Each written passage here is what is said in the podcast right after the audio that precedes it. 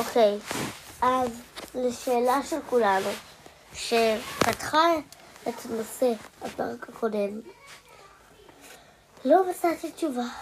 חיפשתי במלא, מלא, מלא, מלא, מלא מקומות. אבל לא הייתה, לא הייתה ולא הייתה תשובה. אבל בוא טיפה תמשיך לדבר על פסח. אז, אז הצטרפו אלינו גם בפרק הקצר, קצר, אבל קצר זה. אז ביי.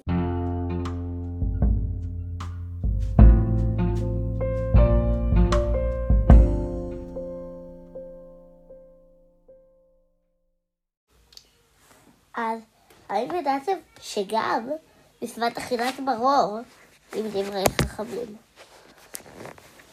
אה, טוב, טוב, עושים. אז ביי. כולם, עוד מעט, תרימו את הגדולים, כי ב-15 לש... לרביעי כמובן. יום העצמאות. סיפור יציאת מצרים והיציאה לחופשי מעבדות לחירות המבטאים את מהות החג, הפכו את החירות לסמל תרבותי ודתי אוניברסלי.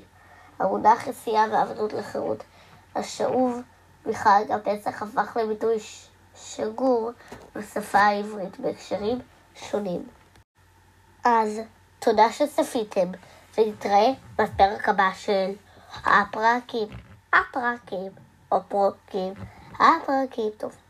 אז אה, תודה לכולם, ונתראה בפרק הבא. אז עם שאלה חדשה, אבל די, קשור לפסח. ייסע מחר ב-12 בבוקר, צהריים. תלוי מה בשבילכם. אז ביי.